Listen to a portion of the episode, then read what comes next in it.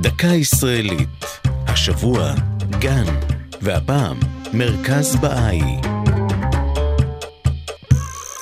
יש בארץ כיפת זהב שאינה מעוררת מחלוקת או פולמוסים בינלאומיים. זו הכיפה המתנוססת בראשו של היכל הבב, השוכן על הר הכרמל, בין גנים שלווים. המקום המושך אליו מבקרים רבים, אך הפוקדים אותו בקביעות הם מאמיני הדת הבהאית, שנוסדה באמצע המאה ה-19 בפרס. הגנים המוריקים הוקמו סביב ההיכל שקבורות בו עצמותיו של הבב, הקדוש המבשר של הדת. הוא הוצא להורג בפרס ב-1850, וכיפת הזהב נבנתה מעל למבנה הקבורה המקורי מתחילת המאה ה-20.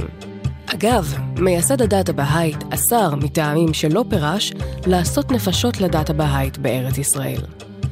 האסתטיקה, מוטיב מרכזי באמונה הבהאית, נותנת את אותותיה מכל עבר. כל עלה מונח במקומו.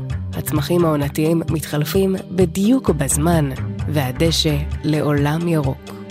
הגנים החיפניים נקראים בפי המבקרים הגנים הבהאיים, והם קיבלו הסכמה רשמית לחשיבותם עם הכרזת ארגון אונסקו על כל האתרים הבהאיים כאתרי מורשת עולמיים. זו הייתה דקה ישראלית על גן ומרכז בהאי. כתבה נועם גולדברג, ייעוץ הפרופסור משה שרון, עורך ליאור פרידמן.